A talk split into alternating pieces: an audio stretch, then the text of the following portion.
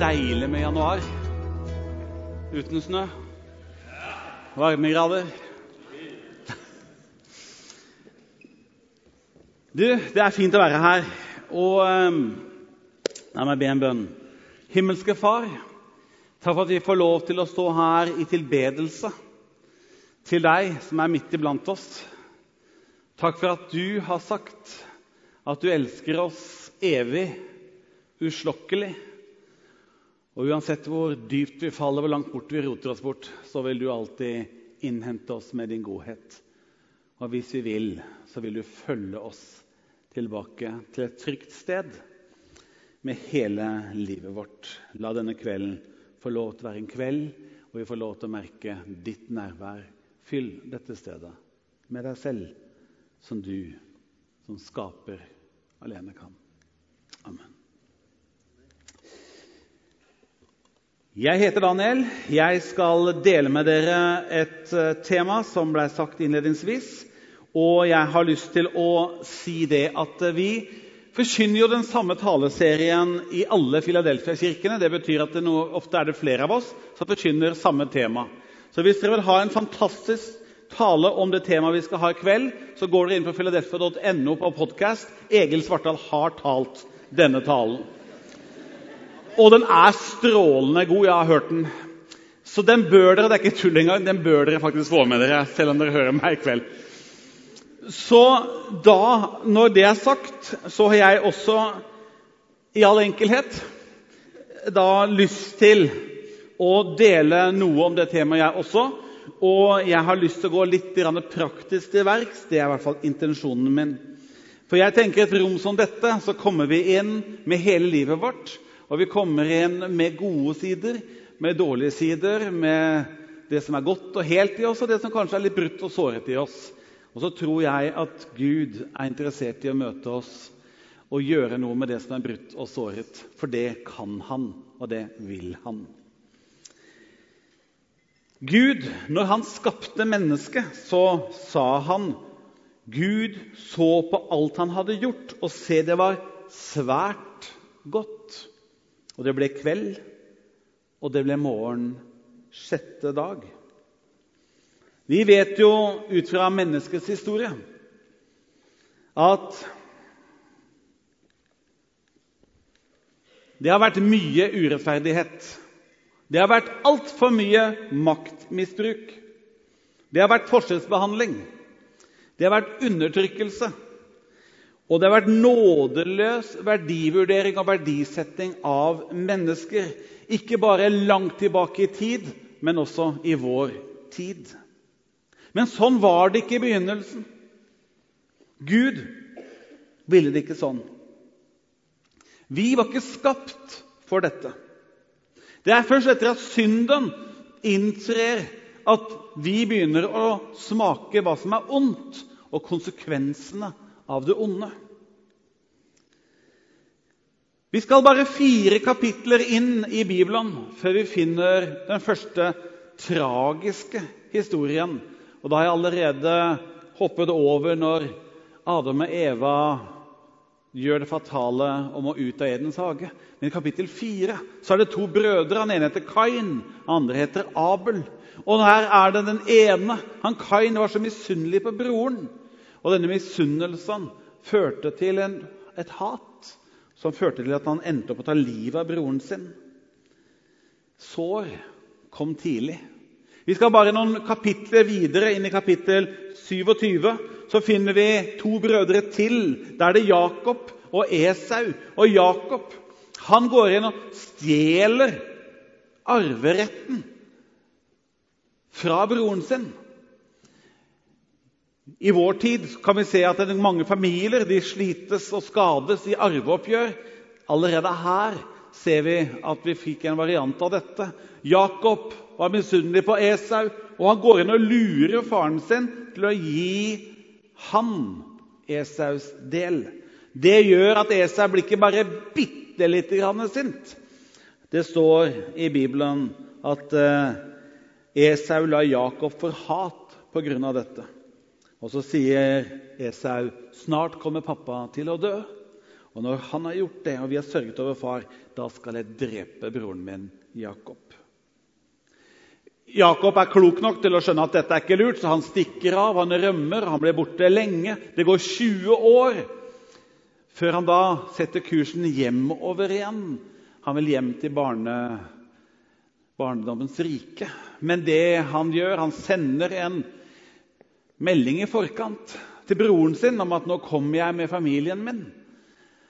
Og Det som skjer da, når Esau får høre dette, det er at han mobiliserer 400 mann og setter kursen for å møte broren sin. Det tenker jeg i utgangspunktet ikke er noen gode nyheter. Men når da Jakob ser Esau med 400 mann komme mot seg, blir han livredd.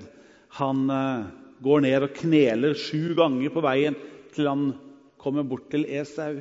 Han forventer nok å møte en sint og hatefull bror, men det er ikke det han møter. Det står men Esau sprang ham i møte og omfavnet ham og kastet seg om halsen på ham og kysset ham, og de gråt. Vi finner allerede her i kapittel 27 at det er nåde, og det er tilgivelse, og det er forsoning. Hvis vi hopper noen kapitler til, bare for å si at det med sår det har gått gjennom hele menneskets historie. Det er sju, eller Ti kapitler senere, i kapittel 37, så møter vi en historie om tolv brødre. Og nå er det altså sønnen til han der fyren vi snakka om, Jakob i stad. Jakob han roter igjen, altså, fordi at han har jo da tolv brødre. Men han begynner å forskjellsbehandle én, for det er én som er favoritten. Han heter Josef. Så han får de letteste oppgavene, han får den beste maten, han får de beste ordene, han får de fineste klærne. Og Det gjør jo at brødrene blir sjalu og misunnelige. Og når årene går, og dette her bare vedvarer, så snur dette her misunnelsen til et hat. Og disse brødrene gjør en helt utenkelig tanke. De selger Josef til noen slavehandlere, noen handelsreisende forbi. Og slaveri på den tiden, det var tortur. Det var lidelse. Det var å miste all verdi. Du har hentet opp liksom på samme verdinivå som geiter og sauer. En hest var antagelig en kamel var mer verdt enn det. Og der er det også høyt sannsynligvis ikke et langt liv som ligger foran. Men Josef ender opp taua inn i Egypt som slave pga. brødrenes hat. Nå skal det sies at historien er at Josef han holder seg til Gud. Han kunne blitt en sint, såret person. Han gjør det beste han kan, og det går noen ganger bra. andre ganger så gikk det ikke bra. Han endte i fengsel helt ufortjent. Der sitter han i flere år før han sakte, men sikkert ender opp til å bli nestkommanderende i Egypt. Og så en dag det er nød og det er sult, så kommer det en dag elleve eller ti, ti brødre ruslende inn, for det er nød også der i Kanan hvor de bodde. Og nå kommer de inn, og de er sultne og lidende. Og Josef kjenner dem igjen med en gang. De kjenner ikke igjen han.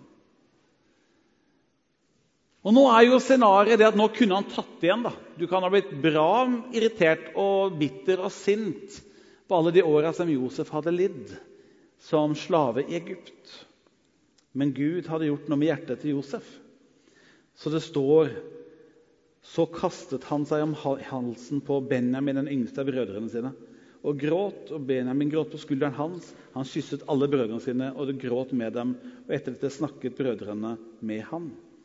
Sånn fortsetter Bibelen å snakke om såra mennesker, og snakker om mennesker som sårer. Men den snakker heldigvis minst like mye om gjenopprettelse og en nådens vei. Tilgivelse, som er medisinen for sår på sjelen. Hvorfor og hva er tilgivelse? Tilgivelse det er å huske at jeg selv er tilgitt. Tilgivelse er å oppgi retten til hevn. Tilgivelse er å gjengjelde det som jeg opplevde vondt. og så gjengjelde dem med noe som er godt. Tilgivelse det er å gjenta dette så ofte som det er nødvendig. Og noen ganger så må det være mange ganger. Hvorfor skal jeg velge å tilgi? For det er det Gud gjør. Og han har gjort det mot meg, og han har gjort det mot deg. Hvorfor velge å tilgi? Jo, fordi det setter den sårede fri. Og det setter til og med den skyldige fri. Jeg hørte for eh, noen uker siden en sang som bare Dere har hørt den, dere også. Det er av R.E.M. Den derre 'Everybody Hurts'. Og jeg eh, bare Plutselig ble jeg hengt opp i den der teksten på noen av versene. Og så der, synger de 'When your day is long, and the night, the night is yours alone'. When you're sure you have enough of this life, well, hang on. Don't let yourself go, because everybody cries, and everybody hurts sometimes. Som sjelesørger så kjenner jeg meg igjen i dette. For jeg har erfart at det er ingen av oss som går uberørt gjennom livet uten å bli såra på en eller annen måte. For alle av oss kjenner på smerte sometimes. Sår det handler om en eller annen form for skade. Sår det forårsaker smerte. Men smerte det er jo egentlig bare kroppens varslingssystem. Det er dens måte å si fra at nå er noe galt et eller annet sted. Smerte er vondt. Men smerte er egentlig kun en beskjed. Et eller annet sted er det noe galt. Det er som hvis jeg går på stranda og tråkker i noe glass. Eller er på en bygningsplass og tråkker på en planke med spiker. Da sier kroppen min 'forsiktig, ikke tråkk', for nå er det en spiker i foten din. Og så vil den si fra 'gå og sjekk hva det er', og få rensa det. Det er når jeg som liten tar på plata på komfyren, og den er varm. Da sier kroppen min 'ta den hånda bort så fort som mulig'. Det gjør vondt. Men meldingen er lur. Den er konstruktiv. Den sier 'vær forsiktig', så du ikke får mer vondt og skaden blir større. Jeg har så lyst til i mitt hjerte og i mitt tanke at vi som kirke ikke bare skal være den empatiske kirken, den medfølende kirken, som kommer bort og gir en hånd på skulderen og trøster. Jeg har ikke lyst til å være kirken som kommer med smertestillende for å dempe smerten. Jeg har så lyst til at vi skal være kirken som gjør noe med såret, som skaper smerten. Jeg har så lyst til at vi skal være en kirke som kommer og ser at livet blir annerledes. At du som er såret Vi tar ikke bare og trøster deg. Vi kommer ikke bare og gir deg noe som demper smerten, men vi kommer og gjør noe med såret. Så såret gror, og du får lov til å se at det er borte. Det kan hende det blir et arr, men det er ikke betent, det er ikke vondt. Det er bare et minne om at en gang hadde jeg vondt der, men jeg har det ikke lenger. Jeg har så lyst til at vi skal være mer enn bare medfølelse. Nå må ikke jeg må ikke du høre at jeg snakker ned medfølelse, for Jesus han var drevet av medfølelse. Det står at Han var ute og gikk sammen med disiplene, og så så han at det kom et gravfølge. Og så, full av medynk eller medlidenhet, så stopper han det han skulle, og så går han dit, og så skjer det et mirakel drevet av medlidenhet. Så jeg tror på impulsen av medlidenhet. Men jeg har så lyst til at det skal gå mer og dypere. For jeg tror på en Gud som ikke bare legger hånda på oss og trøster oss, men som kommer reelt og helbreder oss. Jeg har så lyst til at dere skal få lov til å erfare det. Jeg har fått lov til å sette og erfart det mange ganger i mitt liv og i andres liv. Jeg har så lyst til at du som kanskje er her, som bærer på sår av forskjellig karakter, kanskje på kroppen din eller i sjelen din, skal få lov til å oppleve ikke bare trøst, men også få lov til å oppleve helbredelse. Du vet at i barneårene er det en sårbar tid. Og det som vi opplever som sår i barndom, det kan i verste fall være med å prege oss for resten av livet. Og Jeg er veldig glad for at det i Bibelen i Markus 10 står en fortelling om barna. Du vet at det, Når vi går tilbake en god del generasjoner i Norge, så var det sånn at barna Foreldrene var selvfølgelig glad i barna sine, men barna hadde reelt liten verdi. De hadde en verdi etter når de ble litt større, så ble de arbeidskraft. Når de ble voksne, så ble de pensjonsforsikringen min. Men når de var små, så hadde de veldig liten reell verdi. Når de voksne satt og snakket sammen, så skulle barna være stille. Og Hvis de forstyrra, så fikk de en smikk på fingeren, og hvis de gjorde enda verre, så slo de enda hardere. Altså, Barnet var håndtert annerledes. De var ja, lite interessante i det sentrale rommet der hvor samtalene gikk. Og Derfor var det egentlig ikke så veldig rart at disiplene av ren refleks når mødrene kommer med barna og skal ha dem bort til Jesus, så skyver de barna bort. Fordi at barna hadde ingenting i begivenhetenes sentrum å gjøre. Da står det at Gud, skaperen, Jesus, ble sint. Og så tar han barna fra periferi og plasserer det midt i sentrum. Og så ser han på de andre. det er fritt oversatt. Så sier han dere tenker at dere har rett til å være her i Bibelens sentrum fordi dere er så kloke, så religiøse, så flinke, så smarte, og dyktige og hellige. Men sannheten er at hvis ingen av dere blir som dette barnet her, så har dere ikke plass. Dere kommer ikke inn i Guds rike. Det er barnet som gjør det rette. Og så forteller han en viktig ting. Hva er det med barnet som er så unikt? Jo, barnet er tillitsfullt. Barnet har skjønt at jeg har ingenting å levere, men jeg tenker at jeg er elsket. Og Så kommer det tillitsfullt inn, og så sier Gud det er sånn. For dere har egentlig ikke noe annet å komme med enn at dere er elsket.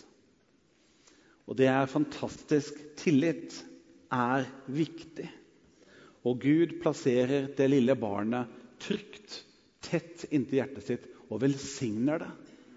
Og Hvis du er her som har opplevd som barn at noen har behandla deg dårlig, hvis du har opplevd omsorgssvikt, hvis noen har tråkket over dine grenser, og du har dype sår, så har jeg lyst til å si at det er sånn som gjør Gud sint. For han vil at du skal være trygg, tett inntil hjertet hans. For han har lyst til at du skal få lov til å bevare tillit, og ikke oppleve at tillit blir brutt. Du vet at Når Jesus gjør noe, så kommer han ikke bare og berører kroppen til de syke. Når de spedalske kom til ham, så var de allerede utstøtt og foraktet, og de, de, folk var livredde. De hadde påbudt i spedalsk å gå og rope 'spedalsk', spedalsk så du, liksom, folk rakk å stikke av.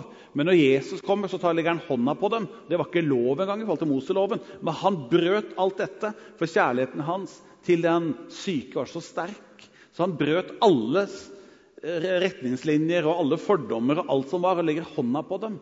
Han helbredet dem. Men han gjorde ikke bare helbredelse, han gjorde at disse menneskene ble friske og kunne gå tilbake til familien og igjen bli en del av samfunnet. Han ga så mye mer enn en fysisk gave. Denne kvinnen du, som han møtte ved brønnen Hun her som hadde hatt fem menn, og hun hadde nå, var ikke hennes mann. Altså Hun var en, en løs, umoralsk kvinne. Og Det visste alle sammen.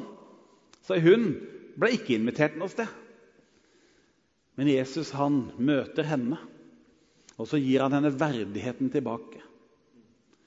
Han gir henne livet tilbake. Og Hun får en plass igjen i landsbyen. Og Kirkehistorien sier at hun ble en viktig kvinne som berørte mange mange mennesker. Og den, Allerede den dagen sier Bibelen, så kom en hel by bort til Jesus pga. denne kvinnens frimodige vitnesbyrd. Gud kommer ikke bare og gjør én ting i livet ditt. Han har lyst til å berøre alle områder av livet ditt. Og Når tolleren Sakkeus, denne quislingen, denne her israelitten som nå hadde begynt å være toller, altså han tok skatten fra israelittene og ga til romerne, det var ikke populært. Og han tok til og med mer, så han tok til og med å berike seg selv. Så han var forakta og hata hele gjengen. Og så kommer Jesus og sier, 'Du blir med hjem til deg'. Det var ikke greit. Men ved å gjøre det så bygger han en bro for Sakkeus tilbake igjen til naboene, tilbake til familien, tilbake til samfunnet. Og Sakkeus blir en totalforandra mann. Jesus er sånn. Han gjorde sånn med disiplene sine. også Han oppsøkte dem én etter én etter at de har svikta. Og så gjenoppretter han dem. Han helbreder sårene og gjeninnsetter dem. Når Jesus møter mennesker, så er det fortellingen om veien til frihet. Sjelen vår den er et følsomt instrument. Jeg tenker at jeg er skapt for en fullkommen og perfekt verden. Jeg tenker at jeg er skapt for å leve et sted hvor når jeg kommer inn et rom, så tenker alle sammen 'Bra du kom, Daniel. Nå kan festen begynne.' Jeg tenker at jeg trenger at alle rom jeg kommer, alle mennesker jeg møter, så ser de på meg, og lyset kommer i øynene, og tenker 'Yes, der kommer Daniel'. Jeg trenger at når folk kommer til å møte meg, så gir de meg en klem. Jeg trenger at folk syns det er fint at jeg er til stede. Jeg trenger å bli møtt med å bli inkludert. Men når verden da stenger døra, ekskluderer Når denne verden her møter meg med nådeløshet, når jeg trenger nåde, når eh, mennesker møter meg med en kald skulder istedenfor kjærlighet vet du hva? Jeg tåler egentlig ikke det. Jeg er ikke skrudd sammen. Jeg er skrudd sammen for en fullkommen verden. Ja. Sånn er min sjel. Det er derfor jeg blir såra. Det er derfor jeg sliter i møte med denne verden, som møter meg på ubarmhjertige måter. Og jeg tror ikke det bare er jeg som er sånn. Grunnen til at jeg blir såra, og du blir såra, det er fordi vi trenger folka rundt oss. Hva de tenker om oss, det betyr noe. Hva de sier om oss, det betyr noe. Jeg trenger å kunne komme inn i et rom og være trygg. Og når jeg går ut av rommet, så skal jeg også være trygg på at de snakker pent om meg når jeg går. Jeg trenger det, jeg. Og det tror jeg du gjør òg.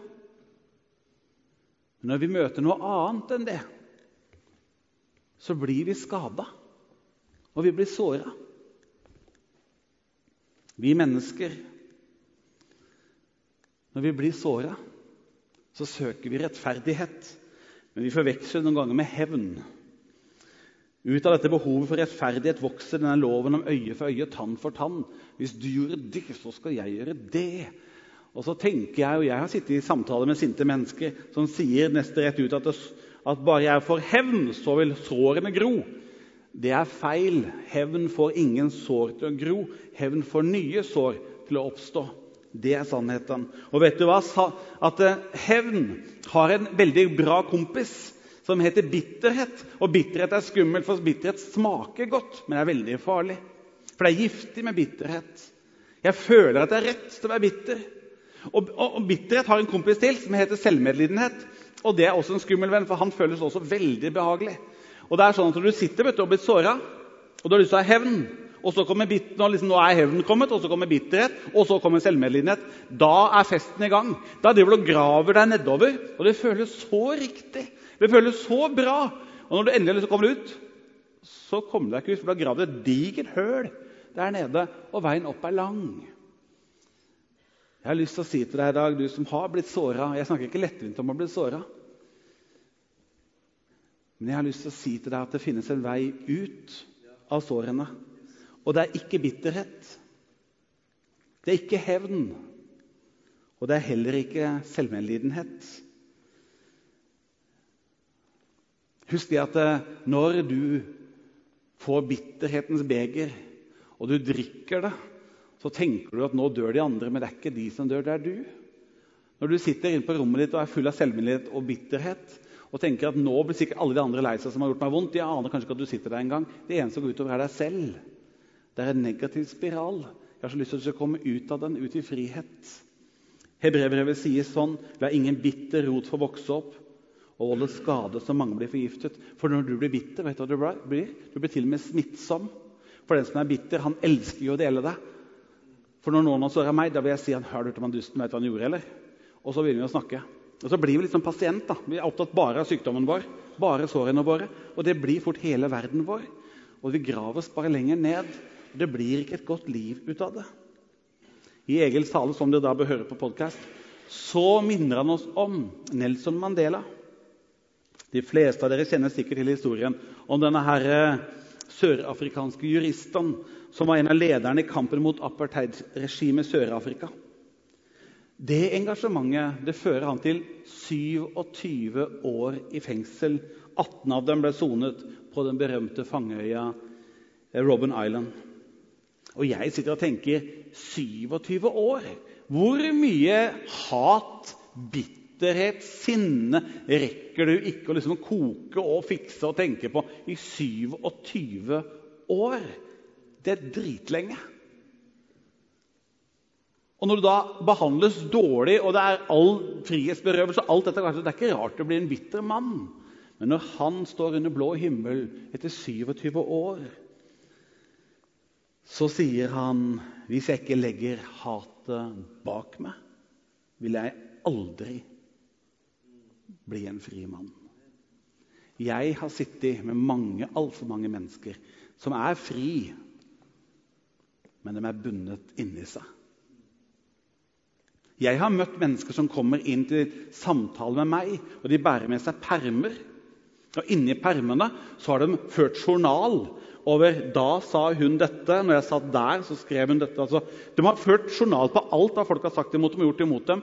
Og Jeg har sittet med en mann da var det 60 år tilbake i tid. Han, han hadde journal 60 år tilbake. Mange av de som gjorde gærent mot ham, de var døde. Og han var fortsatt sint, fortsatt såret og fortsatt bitter. Og han satt og ventet på at dem skulle komme og rydde opp. For mange av dem var det umulig, for de var ikke på den planeten her lenger. Jeg har lyst til å si til deg Gud har en vei ut av dine sår. Han kan helbrede dem. Og jeg, igjen, jeg, si, jeg snakker ikke lettvint og sår når du har opplevd vonde ting. Folk har gjort deg noe vondt. Så har de ikke rett til det. Det er uakseptabelt. Det skal være en rettferdighet, men Bibelen sier 'overlatt hevnen til Gud'. La Han gjøre det. Og så må du fokusere på å få lov til å komme videre.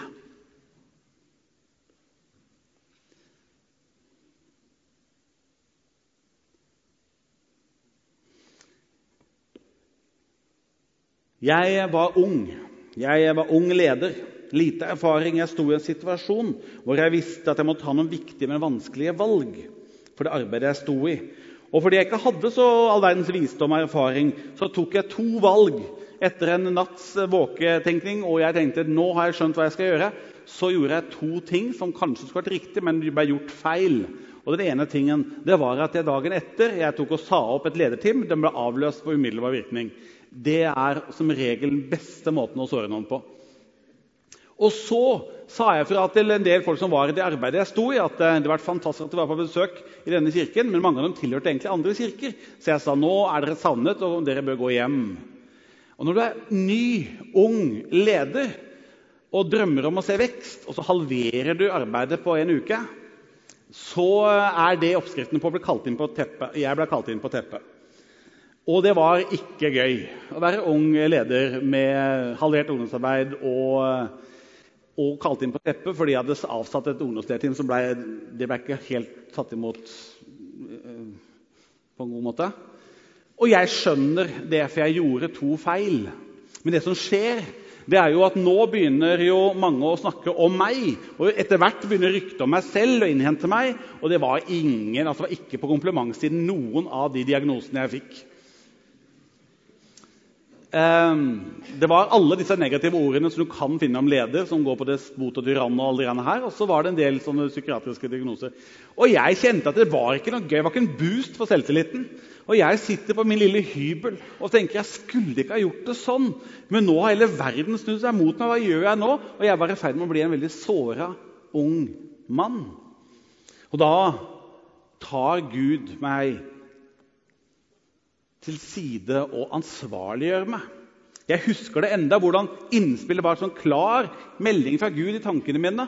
Og han viser meg når Jesus er på Golgata og blir lagt på korset og strekt ut og spikret fast. Og så spør Gud meg. Så tydelig var det i hodet mitt når, han, når Gud talte. Og så sier han, du, hva var det Jesus sa?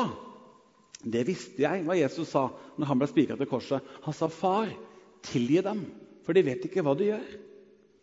Og så hadde jeg jo lest i Bibelen at jeg kom på en historie til. og Det var denne gode Stefanus, den første martyren. Han som var ute og delte ut mat til de fattige og sultne. og sånn, og så ble han, så forkynte han om Jesus ellers, men han ble taua ut fra byen. og Så tok de opp steiner og så kasta de steiner, så blodet spruta, og han dør under steiningen. Men før han dør, roper han med høy stemme, 'Herre, tilregn dem ikke denne synd.' Jeg eh, syns det var fine bilder, men jeg skjønte ikke hva det hadde med den saken å gjøre. når Gud minte meg på dette her. Og så sier han en ting til som jeg tenkte nå har jeg tilta. Jeg var helt seriøs. Jeg, jeg, fikk en tanke som var så tydelig. Daniel, hva er forskjellen på et vefsestikk og et bistikk? Da, da begynner jeg å lure på om du har tilta. Så jeg tenkte det eh, Nå lurer jeg på, Er det fantasien min? Jeg tenkte det var Gud som talte i stad, men dette hørtes rart ut.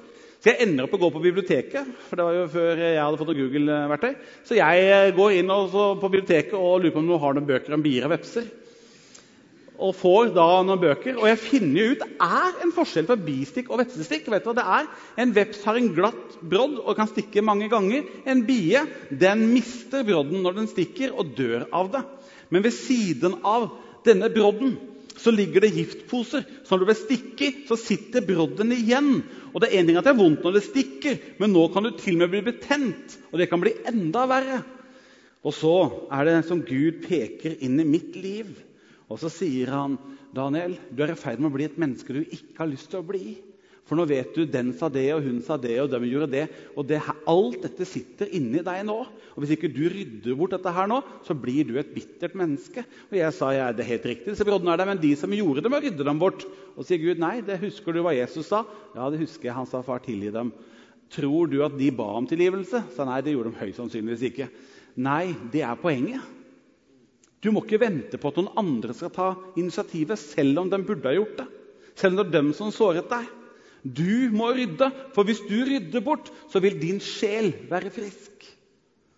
Og vet du hva? I årene etterpå så har jeg passet på at jeg nesten ukentlig skanner min sjel når jeg er i bønn. Så sier jeg, 'Gud, vis meg om det er noen som har sagt eller gjort noe.' Det er ikke sikkert de har ment det, kan hende jeg misforstått, kanskje jeg var sliten. Men det satte seg. Hjelp meg å plukke det bort. Og Det er overraskende mange ganger det sitter en liten brodd et eller annet sted. Men jeg har lært meg hjem å plukke brodden, og jeg tar vare på min sjel. Jeg tenker jeg kunne vært et annet menneske hvis jeg ikke hadde gjort det gjennom alle disse årene. Og bønn er avgjørende viktig for at dette skal skje. Bønn er ikke bare en programforpliktelse på å si et eller annet bønnegreier. Det er min dialog med min Gud, og denne gangen så gjør det noe med mitt liv. Jeg har lyst til å si igjen jeg snakker ikke lettvint om sår. Hvis du er her i dag som har blitt utsatt for overgrep, hvis du er her som har blitt påført dype sår, hvis du er her som har opplevd omsorgssvikt, hvis du er her som har opplevd at oppveksten din har smakt gjennom, Hvis du er her som gjennom oppveksten har smakt hvordan det er å bli forkasta, støtt bort, fryst ut, ikke bli inkludert, blitt mobba eller blitt kalt negative ting Hvis du er her og kjenner at din selvfølelse og din selvtillit er så skada at du lekker som en sil, og du er utrygg i veldig mange rom. Eller hvis du er her som har tatt dumme valg og usunne valg og rota til liv og relasjoner rundt deg og er såret av den grunn. Hvis du er her som har såret andre med dine ord, dine handlinger eller prioriteringer. Men du er såra uansett hvem du er. Jeg har lyst til å hilse deg fra Jesus, som sier til deg, 'Kom til meg, alle dere som strever og bærer tunge byrder.' 'Jeg vil gi dere hvile.' Ta mitt åk på dere og lær av meg, for jeg er mild og ydmyk av hjerte. Så skal dere finne hvile for deres sjel. Vet du hva? Hvis du er såret, vil Gud helbrede dine sår. Og han vil lede deg til frihet, og frihet fører til hvile. Jeg sa det i stad. Vet du hvorfor du blir såra? Det er fordi vi er avhengige av folka rundt oss. Og når de behandler oss dårlig, så går det dypt. Og det gjør noe med oss. Og når vi ikke gjør noe med det som gjør noe med oss, så blir vi noen helt andre mennesker enn vi hadde tenkt å bli. Jeg sitter som sjelesørger og er fortvilet når jeg møter 40-åringer, 50-åringer, 60-åringer og 70-åringer som ikke har rydda et sted i sjelen sin.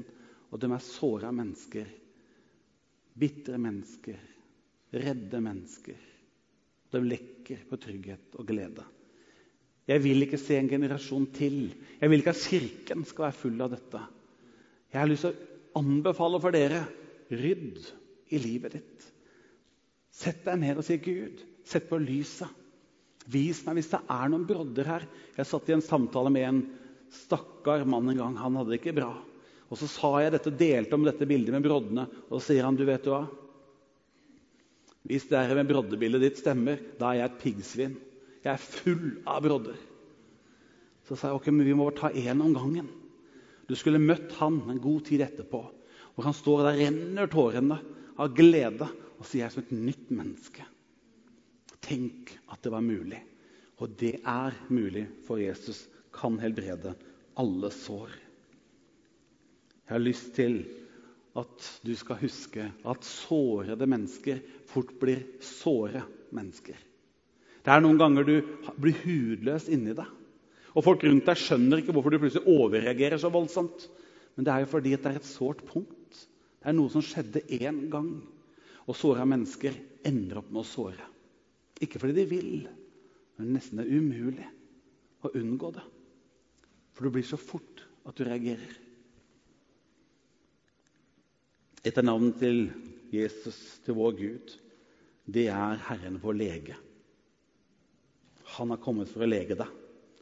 Du vet at Når du har blitt såra, vet du hva første reaksjonen din er? Det er å trekke seg tilbake.